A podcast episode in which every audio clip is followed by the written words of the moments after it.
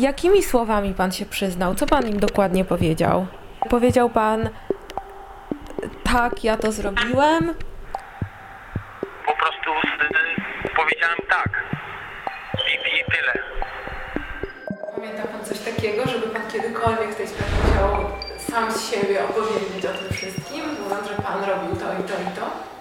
Na pewno tak nie opowiadałem, że szłem tędy, zobaczyłem Iwonę Grygiel, przykładowo uderzyłem ją w nos, czy y, zaszedłem od tyłu, złapałem za szyję, czy tak dalej. Nie, nie, nie, tak, tak nie opowiadałem, na pewno tak nie było. Kto śpi spokojnie?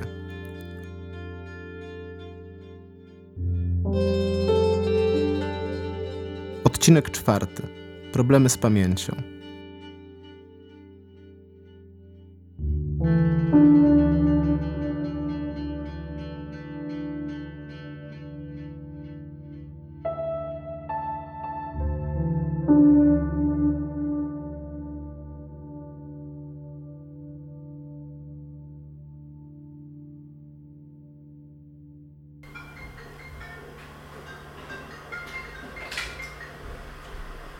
Halo? No jestem, bo maksymalny czas połączenia 50 minut jest z tej karty, także nas rozłączyło już. Dobra. Michał zadzwonił do nas niedługo po tym, jak odwiedziliśmy go w więzieniu. Przez kolejne miesiące wielokrotnie rozmawialiśmy przez telefon. Michał twierdzi, że nigdy nie wypowiedział słów zabiłem Iwonę, ani nawet przyznaje się do zabójstwa. Na pytanie, czy się przyznaje, odpowiedział tylko tak. Nigdy własnymi słowami nie opisał śledczym przebiegu zbrodni. Ale z protokołów jego przesłuchań wynika, że nie tylko przyznał się do tego, że zabił Iwonę, ale też opisał, w jaki sposób to zrobił. To czytam. To co my tu mamy? Dobra, od początku. Zarzut zrozumiałem. Przyznaję się do zarzucanego mi czynu. To początek protokołu przesłuchania z 8 stycznia 2001 roku. To wtedy, trzy dni po odnalezieniu w lesie w Bratniku ciała Iwony, Michał przyznał się do zbrodni. W dniu 4 stycznia 2001 roku byłem w sklepie w Bratniku wraz z braćmi ciotecznymi Bigo... Ze sklepu poszedłem do domu i bez powodu wziąłem kastet. Obecnie kastet ten jest w domu, w szufladzie regału mojego pokoju. W chwili tego przesłuchania zabójstwo Iwony było w Bratniku głównym tematem rozmów. Wiele szczegółów dotyczących okoliczności jej śmierci było powszechnie znanych. Wiadomo było, że została zaatakowana około godziny 19, gdy wracała z przystanku autobusowego do domu. Wszyscy, którzy w nocy z 4 na 5 stycznia pomagali rodzicom dziewczyny w poszukiwaniach, wiedzieli, w którym miejscu znaleziono jej zwłoki. Mieszkańcy miejscowości, jadąc kolejnego dnia rano do pracy, mijali stojące na skraju lasu radiowozy. Sądy, które decydowały w sprawie Michała Wierzchonia, starały się ocenić, czy w jego wyjaśnieniach znalazły się informacje, których chłopak nie mógł usłyszeć od innych mieszkańców Bratnika. Zastanawiały się również, czy Michał podał policjantom jakieś nowe, nieznane im wcześniej fakty, takie, których nie mogli mu zasugerować. Na przykład, co było narzędziem zbrodni. Sędzia Jarosław Dąbrowski, który uznał Wierzchonia za winnego zabójstwa i skazał go na 25 lat pozbawienia wolności, był przekonany, że chłopak sam, bez żadnej inspiracji ze strony policjantów, wskazał kastet jako narzędzie zbrodni.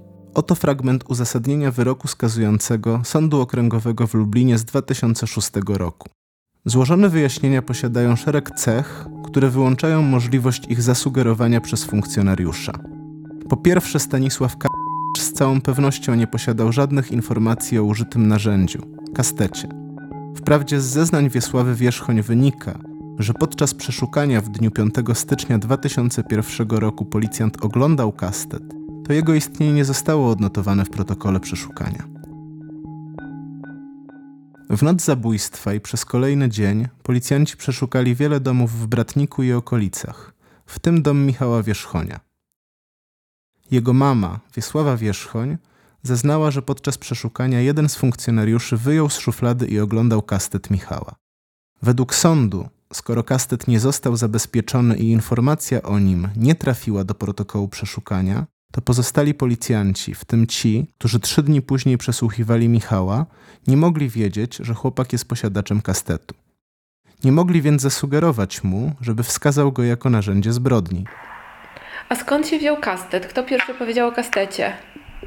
Się zastanawiam, czy ten kastet się pojawił już w rozmowie wcześniejszej, która nie była protokołowana przez nich? Że już wtedy się pojawił kastet, czy dopiero tutaj? Mógł wcześniej się pojawić w rozmowie, wie pani? A dopiero później to było zaprotokołowane. O tym kasecie. Przesłuchanie Michała poprzedziła nieprotokołowana rozmowa z szefem Wydziału Dochodzeniowo-Śledczego Komendy Powiatowej Policji w Lubartowie, która trwała około 40 minut. To wtedy Michał przyznał się do zabójstwa i wtedy po raz pierwszy wspomniał o kastecie. Nie wiemy, jak wyglądała ta nieprotokołowana rozmowa. Czy policjant wprost zapytał Michała, czym zabił Iwonę, a on w odpowiedzi wskazał kastet? Czy raczej zapytał go po prostu, czy ma w domu jakieś niebezpieczne narzędzie? Zastanawiam się, mm, czy oni zapytali, czym ją zabiłeś i pan powiedział, że kastetem, czy oni się zapytali, no Ty nie, znaczy nie, no to e, na pewno tak wprost nie powiedziałem, że, że kasetem. Tylko mogło, mogło e, przed protokołem, przed zapisaniem tego e, mogliśmy rozmawiać, że ten, że mam w domu, mogłem powiedzieć, że mam w domu kaset i po prostu później zaprotokołowali z tym kasetem, tak? Michał twierdzi, że nie powiedział policjantom, że zabił kastetem. Mógł powiedzieć, że ma w domu kastet, ale na pewno nie wskazał go jako potencjalnego narzędzia zbrodni. W roli narzędzia zbrodni kastet pojawił się po raz pierwszy dopiero podczas właściwego, protokołowanego przesłuchania. Mm, I wtedy na przykład mm, pan mówi, że ze sklepu poszedł pan do domu, a oni się pytają i wziął pan kastet, tak? W taki sposób? I wtedy, wtedy wziąłeś ten kastet? Coś takiego mogli zapytać? Czy, mm, czy pan sam wiedział, że powiedzieć, że wziął pan ten kastet w tym momencie? No tak aż stanowczo ja nie, nie, nie stwierdzałem tego, że e, wziąłem kaset, kaset i poszłem. Tak, no tak było mm, bardziej. e, No mówię, że to było wszystko na zasadzie, że ja przytakiwałem, tak? Sąd, który uniewinnił Michała, doszedł do wniosku, że nawet jeśli Michał sam z siebie powiedział policjantom, że zabił Iwonę kastetem, to nic nie wskazuje na to, żeby to właśnie kastet był narzędziem zbrodni. Bez względu na to, czy Michał rzeczywiście powiedział policjantom, że bił Iwonę kastetem, czy przytaknął tylko, gdy go o to zapytali, śledczym nie udało się zdobyć żadnych dowodów biologicznych wskazujących na to, że kastet był narzędziem zbrodni a analiza mechanoskopijna nie pozwoliła na jednoznaczne zidentyfikowanie kastetu. Jeszcze jak nie widziałem osoby, a domyślałem się, że to może być Iwona, przeszedłem przez drogę do tej osoby. Po przybliżeniu się zobaczyłem, że to faktycznie ona. Nie wiem dlaczego przeszedłem na drugą stronę. Nie miałem żadnego zamiaru w stosunku do Iwony. Widząc, że to Iwona, nie myślałem o niczym. Uderzyłem ją ręką uzbrojoną w kastet w twarz. Dlaczego uderzyłem Iwonę, nie wiem. Nie miałem zamiaru odbycia z nią stosunku. Uderzyłem ją jeden raz. Iwona bez żadnego odgłosu, bez żadnego słowa przewróciła się na jezdnię, tak jakby zemdlała. Niosłem ją do skraju lasku, a później lekkim skosem w tak zwaną dębinkę. Łącznie niosłem ją około 30 metrów, z tym, że około 20 metrów w dębinkę. W dębince położyłem ją na ściółce, nie pamiętam w jakiej pozycji. Tutaj to jest dość szczegółowy opis tego, jak pan ją niósł. Więc skąd on się wziął? To oni wszystko mówili. Ja mówię, ja tylko przytakiwałem, tak? Tylko po prostu, czy oni to mówili w tym momencie, już jak protokołowali, czy podczas tej rozmowy wcześniej, nieprotokołowanej? Nie, no na pewno. Yy, nieprotokołowanej rozmowie to nie było nic takiego. Bo to, k- którędy ją niosłem i jak to wszystko, to, to- już zaczął yy, mówić, jak zaczęli zapisywać to. Czy pan powiedział takie zdanie podczas składania tych wyjaśnień, że to zdanie, które tu jest, tak? Że niosłem ją z kosem do skraju lasku, a Nie, później... nie, nie, nie, nie, nie, nie, nie, na pewno sam z siebie nie powiedziałem. No jak mówię, ja mogłem im y, przytaknąć, tak, on mówił, a ja y, po, y, po prostu no prawie większość rzeczy to się opierało na mo- moim przytakiwaniu, tak. Ten policja wszystko tłumaczył przykładowo, czy niosłeś ta, ją po skosie na brzeg, tak jak pani mówi, w, na brzeg lasu, no i ja tak. A tamten drugi zapisywał, tak? Czyli oni do tego stopnia szczegółowe te pytania zadawali? Czyli nie pytanie, jak ją niosłeś, tylko pytanie, czy niosłeś ją po skosie do dębinki? Na tej zasadzie, że mogłeś iść e, lekkim skosem, czy szłeś lekkim skosem, a ja po prostu przytakiwałem, tak? W protokole nie zawarto pytań, które zadawał Michałowi prowadzący przesłuchanie funkcjonariusz. Są tylko odpowiedzi. Wersja Michała jest taka, że podobnie jak w przypadku kastetu, przesłuchujący zadawał mu sugerujące pytania, w których zawarte były wszystkie informacje, które powinny znaleźć się w odpowiedzi. Czy niosło się po skosie do dębinki? Ile to mogło być łącznie? Około 30 metrów? A ile z tego w głąb lasu? Około 20? Pytał śledczy. Michał przytakiwał, a drugi policjant protokołował. Niosłem ją po skosie, do dębinki. Łącznie niosłem ją około 30 metrów, przy czym około 20 metrów w dębinkę. Bardziej to oni mówili więcej, ja tylko przytakiwałem, tak? Oni bardziej mnie naprowadzali, tak, na wszystko. Niż ja coś konkretnie mówiłem, tak?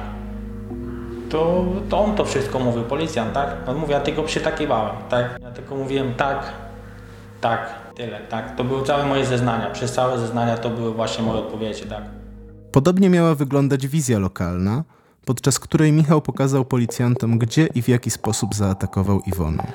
A pamięta pan, jak ta wizja wyglądała? Bo oni panu kazali pokazać, jak pan zamordował. Znaczy, no, Grygiel.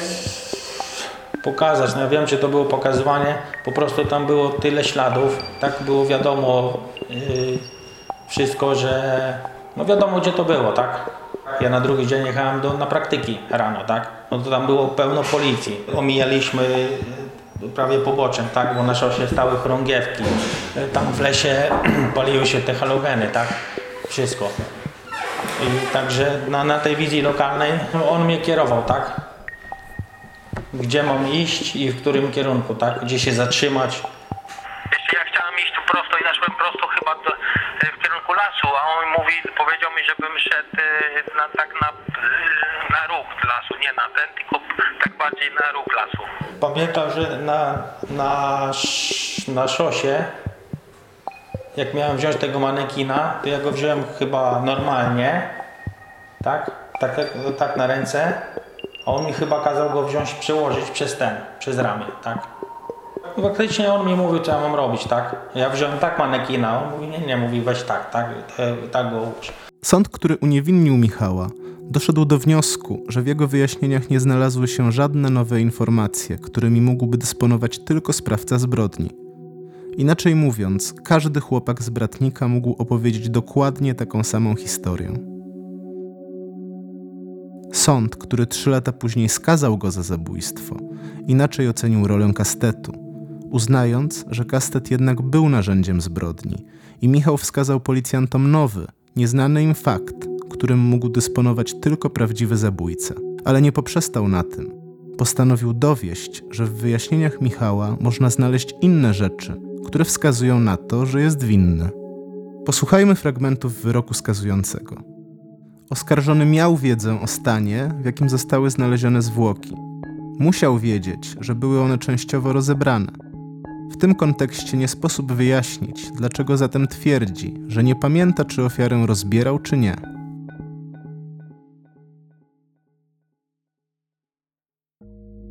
Trzy dni po zabójstwie wszyscy mieszkańcy Bratnika wiedzieli o tym, że sprawca częściowo rozebrał Iwonę.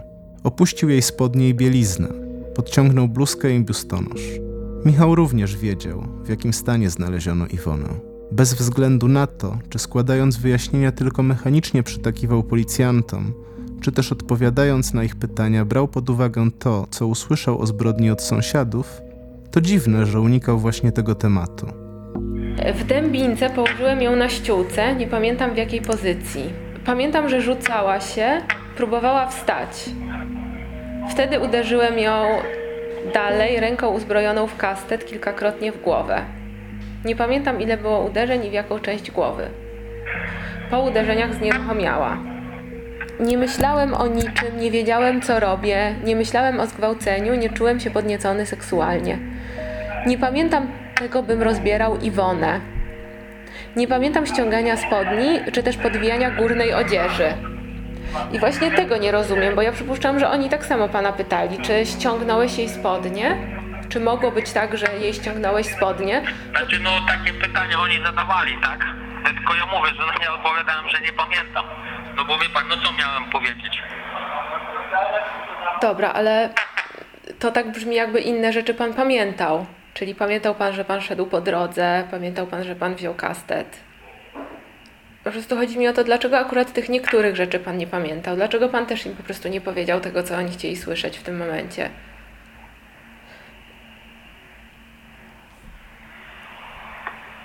No, no, no nie, nie, znaczy, no, no nie mówię, no bo teraz skąd mogłem wiedzieć, e, co miałem mówić? No to mówiłem, że nie pamiętam, tak? Nie wiedziałem, co robię, nie pamiętam tego dokładnie. Pamiętam tylko, że zadawałem jej ciosy. Pamiętał pan, że pan zadawał jej ciosy? Bo to znowu jest tak, że niektórych rzeczy pan nie pamięta, mówi pan, że pan nie pamięta, ale mówi pan, że no pamiętam, że zadawałem jej no, ciosy. no, no właśnie, no to, to, to widzi, no to widzi, sama pani widzi, że te moje zeznania to takie jakbym, e, szczerze powiedziawszy, trochę był pijany, trochę naćpany, trochę nawiedzony, tak? No ale dlaczego tak jest, że o niektórych rzeczach pani mówi, że pan nie pamięta, a niektóre, że pan pamięta? Co miałem mówić, tak? Jak nie wiedziałem, e, co, co powiedzieć, tak?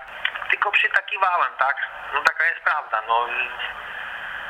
Padały pytania i czy, czy, tak było, czy tak mogło być, no i po prostu e, tak i nie, no to takie było całe moje przesłuchanie. Na pytanie przesłuchującego skąd pamięta, o właśnie, na pytanie przesłuchującego skąd pamięta, że nie był podniecony, skoro nie pamiętał, co się z nim działo, podejrzany wyjaśnia. Nie byłem podniecony do momentu, gdy, zaniosła, gdy zaniosłem Iwonę do lasu, a co się działo ze mną później, nie wiem. Widzi pan, jaka dziwna sytuacja?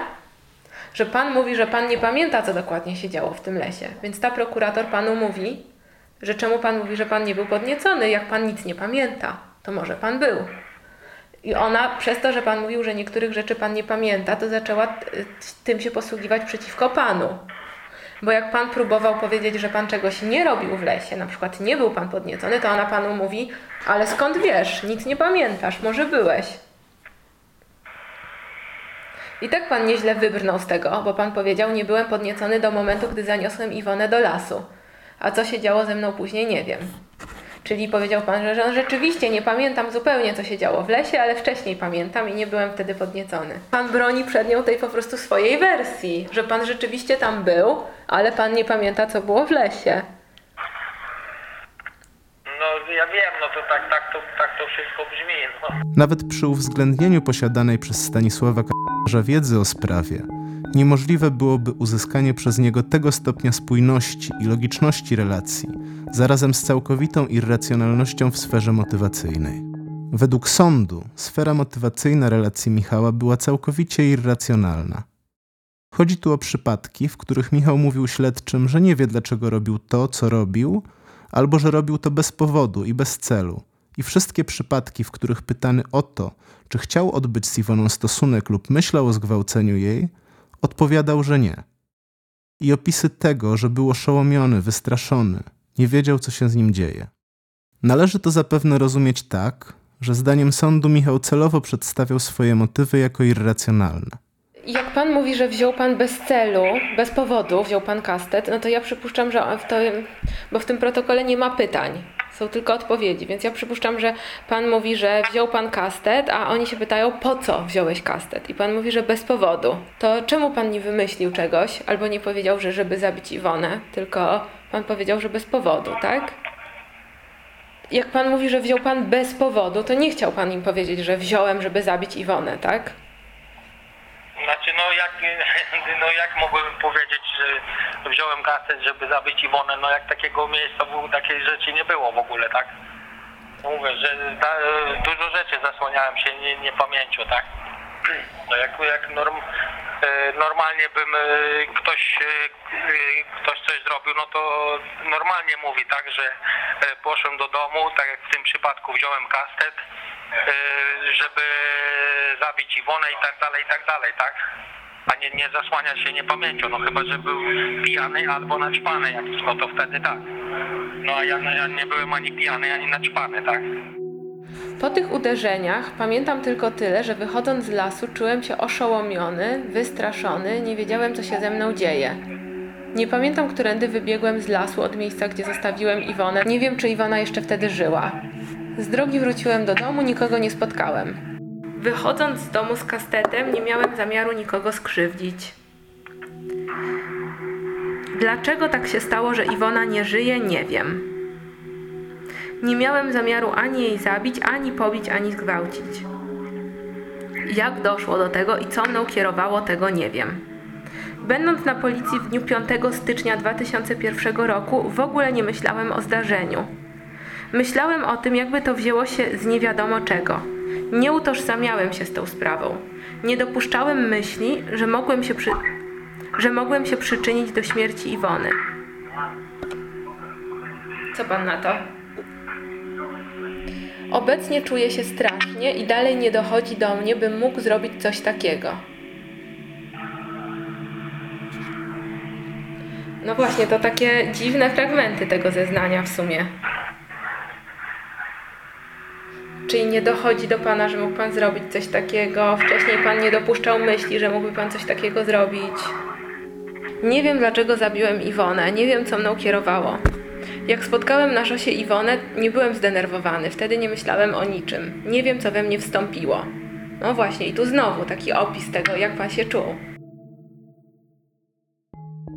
Trudno jest wytłumaczyć obecność w protokole sformułowań wskazujących na nieznajomość niektórych faktów, zasłanianie się przez oskarżonego niepamięcią, używanie zwrotów nie jestem pewny, ale dopuszczam taką możliwość. Wszak nie sposób wyjaśnić ewentualnego celu sugerowania odpowiedzi niejednoznacznych. Sformułowania nie pamiętam, nie wiem i inne niejednoznaczne stwierdzenia nie mogły pochodzić od policjantów, zauważył sąd. Przecież w ich interesie było, by w protokole z przesłuchania znalazło się jak najwięcej szczegółów dotyczących sposobu dokonania zbrodni. A skoro tak, to wyjaśnienia Michała wcale nie zostały mu zasugerowane przez policjantów. Znalazły się w nich stwierdzenia, które musiał wypowiedzieć sam Michał.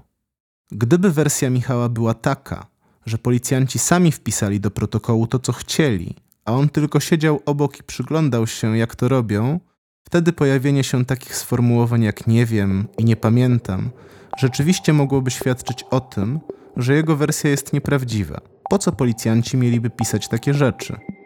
Również gdyby policjanci na przykład bili Michała, zmuszając go do złożenia wyjaśnień określonej treści, może rzeczywiście nie ośmieliłby się powiedzieć, że czegoś nie wie albo nie pamięta. Ale wersja Michała jest przecież zupełnie inna.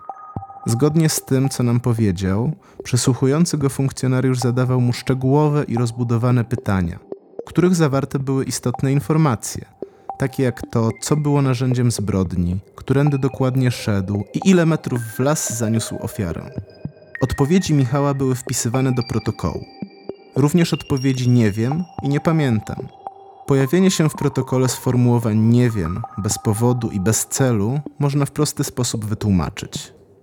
Gdy policjant zadawał Michałowi pytania otwarte, na które nie dało się odpowiedzieć tak albo nie, dlaczego wziął kastet, w jakim celu wyszedł z nim na drogę i tym podobne, chłopak odpowiadał, że bez powodu, bez celu, albo że nie wie. I dlatego w protokole z jego przesłuchania możemy przeczytać, że wziął kastet bez powodu, wyszedł na drogę bez celu, nie wie dlaczego zszedł z drogi w stronę lasu, nie myślał o niczym, nie wie dlaczego uderzył Iwonę. I nie wie dlaczego Iwona zginęła. Trudniej wytłumaczyć, skąd w protokole wziął się rozbudowany opis tego, jak Michał czuł się w momencie popełniania zbrodni. I dlaczego w odpowiedzi na niektóre pytania zasłaniał się niepamięcią. Nie da się tak łatwo wytłumaczyć zasłaniania się przez Michała niepamięcią. W pewnym momencie przesłuchania jego odpowiedzi na pytania policjantów z jakiegoś powodu się zmieniły. Ale dlaczego się zmieniły? Czy a te pytania jakoś pana bardziej stresowały? No bo, bo to co innego, bo tak, co innego jak pana pytają o to, którędy pan szedł, a co innego jak pana pytają o takie makabryczne już szczegóły zabójstwa, tak? No to mógł pan inaczej się czuć przy tych pytaniach i nie chciał pan na takie pytania odpowiedzieć. Pan mówi, że pan nie pamięta. Yy, mi się wydaje, znaczy z tego co pamiętam, no to yy, podczas całego przesłuchania czułem się tak samo. Czyli jak? Znaczy, no nie, nie, nie, nie, nie pamiętam, żebym e, jakoś e, reagował inaczej. Przy, tym, przy tych pytaniach, jak na przykładowo, którędy szłem, a przy tych tam już jak to się działo w, w lesie, tak? No, a jak pan się czuł? Znaczy, no tak jak e, podczas tego przesłuchania, no w miarę spokojny byłem, tak? Ja po prostu zauważyłam, że wszystkie te momenty, kiedy jest zapisane, że nie pamięta pan, to dotyczą tego motywu seksualnego, tego zabójstwa. Pamięta pan jeszcze, co oni mówili właśnie o, o tym, jak to zgwałcenie, czy jeśli przestępstwo jest w celu zgwałcenia, jak to pogarsza sytuację w więzieniu, czy jak to wpływa na to, jak się jest traktowanym w więzieniu? To tak jest trochę, prawda? Potem o tym nawet rozmawialiśmy. Pan mi mówił, że w więzieniu to no, najgorzej są traktowani sprawcy gwałtów. No tak. Podczas przesłuchania policjanci straszyli Michała, że w więzieniu będzie bity i gwałcony z powodu tego, jakie przestępstwo popełnił. Czy chłopak mógł bardziej niż oskarżenie o zabójstwo obawiać się tego, że zostanie uznany za gwałciciela? To się zastanawiam, czy to po prostu nie było tak, że oni panu tak opowiedzieli o tym, jak źle jest być sprawcą gwałtu w więzieniu albo czegoś w celu zgwałcenia. I dlatego potem, jak oni pana pytali o te szczegóły dotyczące tego rozbierania, czy, czy tego, że pan chciał ją zgwałcić, to pan wtedy, jako młody chłopak, to po prostu przy tych pytaniach jakby się zatykał, bo pan był, e, miał w pamięci to, co oni przed chwilą panu powiedzieli. Ale ja nie miałem pojęcia, czy to wynika z razem z zgwałceniem, czy nie, bo to nie, nie mówili tego. Że to chodziło bardziej o całe to przestępstwo, że to dziewczyna i ten, także no ja ogólnie to, to nie miałem pojęcia, czy to chodzi o sam gwałt, czy no, mówili, że to, to całościowo, tak, o takie przestępstwo. A, czy wt- wtedy tego pan w ogóle nie rozróżniał, tylko że... Mhm. Michał powiedział nam, że wtedy jeszcze nie wiedział, że policjantom chodziło o to, że w zakładzie karnym najgorzej traktowani są sprawcy gwałtów. Przed początkiem procesu Michał spędził cztery miesiące na obserwacji na oddziale psychiatrycznym w Lublinie. W rozmowach z biegłymi psychiatrami opowiadał o przesłuchaniu, podczas którego przyznał się do zabójstwa. Konsekwentnie twierdził, że jest niewinny. W opinii sądowo-psychiatrycznej sporządzonej przez biegłych znaleźliśmy niezwykłe sformułowanie. Pytany o swoje postępowanie w czasie przesłuchań powiedział: Nie mam pojęcia, dlaczego tak się stało. Zabrali mnie na górę do śledczego. Ten mi powiedział, że krew na moim ubraniu i takie inne rzeczy. Powiedział, że i tak, i tak będę siedział w więzieniu, że mogłem mieć utratę pamięci. Michał powiedział to lekarzom w którymś momencie między marcem a lipcem 2001 roku. Kilka miesięcy po śmierci Iwony i po tym, jak przyznał się do tego, że ją zabił. Potem, składając wyjaśnienie przed sądem okręgowym w kwietniu 2002 roku, mówił: Policjant przyniósł do pokoju kodeks karny i zaczął szukać artykułów, w których jest wymieniony o złagodzeniu kary, i pokazywał mi te o złagodzeniu kary. Nie zdawałem sobie sprawy, co mi grozi za zabójstwo. Przeczytał mi policjant w kodeksie, że jak byłbym nieświadom tego czynu, to dostałbym niższy wyrok. Dlaczego policjanci mieliby mówić przesłuchiwanemu, że mógł mieć utratę pamięci i że dostanie niższy wyrok, jeśli był nieświadomy tego, co zrobił? Oni panu mówili o tym nadzwyczajnym złagodzeniu kary, jeśli pan się przyzna i wszystko wyjaśni? Czy mówili, że jeśli pan był niepoczytalny, nieświadom, co pan robił, to dostanie pan niższy wyrok wtedy? Nie no, o poczytalności to, no, to raczej nic nie mówił. O tym, że dostanie pan niższy, jeśli pan jest nieświadom, co pan zrobił? Jeśli pan nie pamięta albo był w stanie takim, że pan nie wiedział, co pan robi? Nie, nie, nie, chy- o tym, o tym chyba nie mówił, nie, nie, nie, tylko o tym, że jak się przy- przyznam i tam wy- złożę wyjaśnienia, no to o poczytalności to na, na, na, na pewno nic nie, nie, nie mówił. I czy byłem pijany, czy naćpany, że to też złagodzi wyrok, czy coś, to też, to też nie, mówił, nie, nie mówił. I w tym momencie też nic nie mówił o tym zaniku pamięci, że jeśli pan nie pamięta, to nawet lepiej będzie dla pana, bo to znaczy, że pan był niepoczytalny na przykład. Nie, nie, nie, nie. Jak w takim razie wytłumaczyć to, co Michał powiedział lekarzom oraz sądowi na temat swojego przesłuchania? To pan powiedział o tym, że oni mówili, że może pan nie pamiętać, że mógł pan mieć zanik pamięci, tylko pan to powiedział psychologowi, jak pana badali w szpitalu, jeszcze do tego, jak pan tam długo tak siedział. To w zapisach tych rozmów właśnie było to, że, że tak panu mówili policjanci. Mnie interesuje po prostu, czy pan to w ogóle pamięta coś takiego. Czy to tylko po prostu ja to znalazłam w tych dokumentach, a pan tego nie pamięta. Znaczy wie pan, no oni, znaczy no ten k mi mówił, że jak, y, że jak po prostu coś nie pamiętam, no to nie szkodzi, tak? A to ciekawe, a w jakim sensie tak mówił? No jak on tam zadawał te pytania, tak? I ja powiedziałem tak czy nie, że no, że mogę mówić, że nie pamiętam, tak? No, że jak coś nie pamiętam, to żeby przechodzić, że będziemy przechodzić dalej, tak?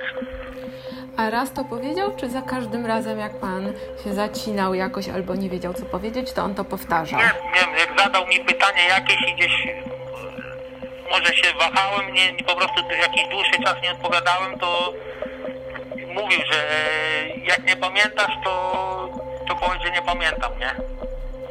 Nie, bar, nie, nie, nie bardzo wnikał, y, czemu nie, nie, nie dopytywał, tak, czemu nie pamiętam, czy byłem pijany, czy, czy coś, tylko po prostu, no, Nie powinno go to zdziwić, że pan nie pamięta niczego?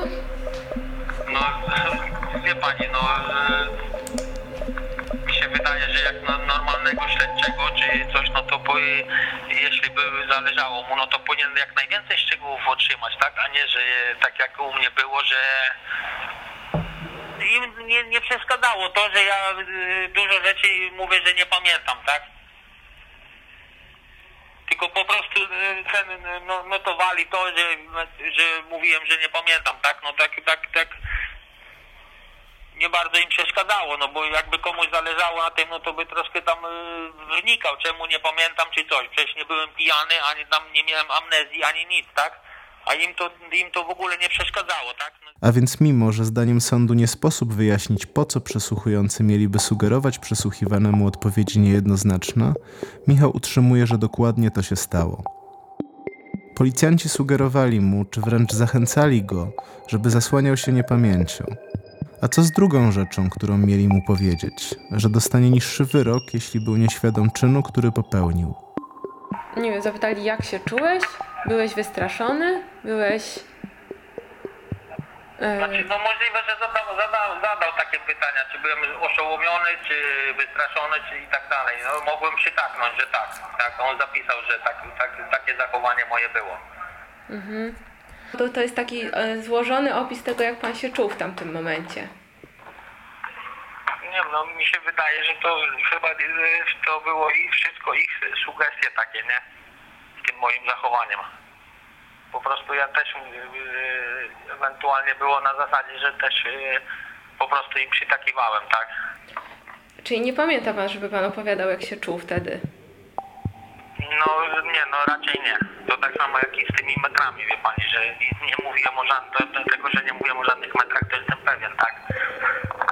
Michał twierdzi, że policjant sugerował mu te odpowiedzi dokładnie w taki sam sposób, jak w przypadku innych okoliczności zabójstwa. Czy byłeś przestraszony?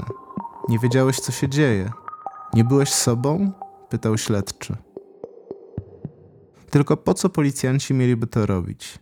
Przecież, jak zauważył sąd okręgowy, nie sposób wyjaśnić ewentualnego celu sugerowania odpowiedzi niejednoznacznych.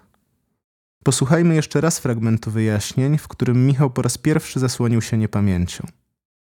Nie myślałem o niczym, nie wiedziałem co robię, nie myślałem o zgwałceniu, nie czułem się podniecony seksualnie. Nie pamiętam tego, bym rozbierał Iwonę. Chwilę przed tym, jak powiedział, że nie pamięta, żeby rozbierał Iwonę, stwierdził, że nie myślał o zgwałceniu jej i nie czuł się podniecony seksualnie. Odpowiedział na pytania policjantów przecząco. Nie przytaknął im, nie powiedział, że nie wie. Powiedział nie. Czy policjanci mogli się obawiać, że Michał przestanie im przytakiwać i dlatego zaczęli mu sugerować, żeby zasłaniał się niepamięcią? Wcześniejsze zaprzeczenia Michała dotyczyły tego, jak się czuł i co myślał. Powiedział policjantom, że nie chciał zgwałcić Iwony i nie czuł się podniecony seksualnie. Pytanie o to, czy rozebrał ofiarę, dotyczyło nie subiektywnych odczuć i myśli Michała, ale obiektywnych okoliczności zbrodni. Gdyby odpowiedział na nie przecząco, mogłoby to podważać wiarygodność jego przyznania, wskazując na to, że nie wiedział, jak przebiegało zabójstwo i rzeczywiście przyznał się pod presją lub z jakiegoś innego powodu. Ale Michał powiedział, że nie pamięta. Być może więc potem policjanci, chcąc jakoś wytłumaczyć pojawienie się u przesłuchiwanego tych dziwnych problemów z pamięcią, zaczęli go pytać, czy był oszołomiony, wystraszony, nie wiedział, co się z nim dzieje, nie był sobą. Michał nie potrafi nam powiedzieć, dlaczego policjanci mieliby mu sugerować zasłanianie się niepamięcią i podpowiadać, żeby opisywał swój stan psychiczny w taki sposób, jakby był nieświadomy swojego czynu. W sumie to nie wiemy trochę, czemu tam jest to nie pamiętam. A pamięta pan, żeby pan w trakcie tego przesłuchania miał taką pokusę czy myśl, żeby jednak jeszcze się wycofać z tego przyznania? Żeby po, po prostu walnąć ręką w stół i powiedzieć: Nie, nie, odwołuję to wszystko. No bardzo raczej chyba nie, no nie wiem, bo to, to, to tak, tak wtedy to szybko poleciało, że cię- ciężko mi powiedzieć, co, co było wtedy, nie? Nie pamięta, żeby podczas przesłuchania w odpowiedzi na któreś z pytań powiedział policjantom nie. Nie pamięta też, żeby w którymkolwiek momencie chciał się wycofać z przyznania do winy. Masz 60 sekund. Halo? No jestem, jestem, tak, tak. Dobra, panie Michale, to niech pan się jeszcze nad tym zastanowi i pogadamy. Pan sobie tym bardziej spokojnie przemyśli. E, czy, czy, czy coś się panu przypomni? Wie panie, no tak wcześniej to nie miałem ten, a teraz to wszystko tak mi się nakłada na głowę, że no...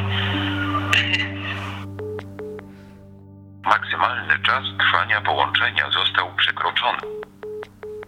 W następnym odcinku. Zajmuję się sprawą Michała Wierzchonia, e, którą pani jako pierwsza opisała. No, no tak. Pani nie ma problemu, Zresztą mówię, na zdrowie taki rozum zwy, zwykły. Zapaliła się czerwona lampka. Czy rzeczywiście w przeciągu 18 minut jest to możliwe do zrobienia? No to każdemu by się zapaliła. Dlaczego tego nie sprawdzili? Ja tam przecież byłam. No nie ma siły na to, żeby to zrobić. Nie ma fizycznej możliwości. Generalnie ma alibi. Generalnie ma alibi. Scenariusz Anna Sobolewska. Czyta Michał Radzanowski. Muzyka i montaż Marcin Zonenberg. Realizacja Piotr Drabik, Mateusz Kapera, Anna Małaszenia, Michał Radzanowski, Gabriela Sieczkowska, Anna Sobolewska, Aldona Wysocka.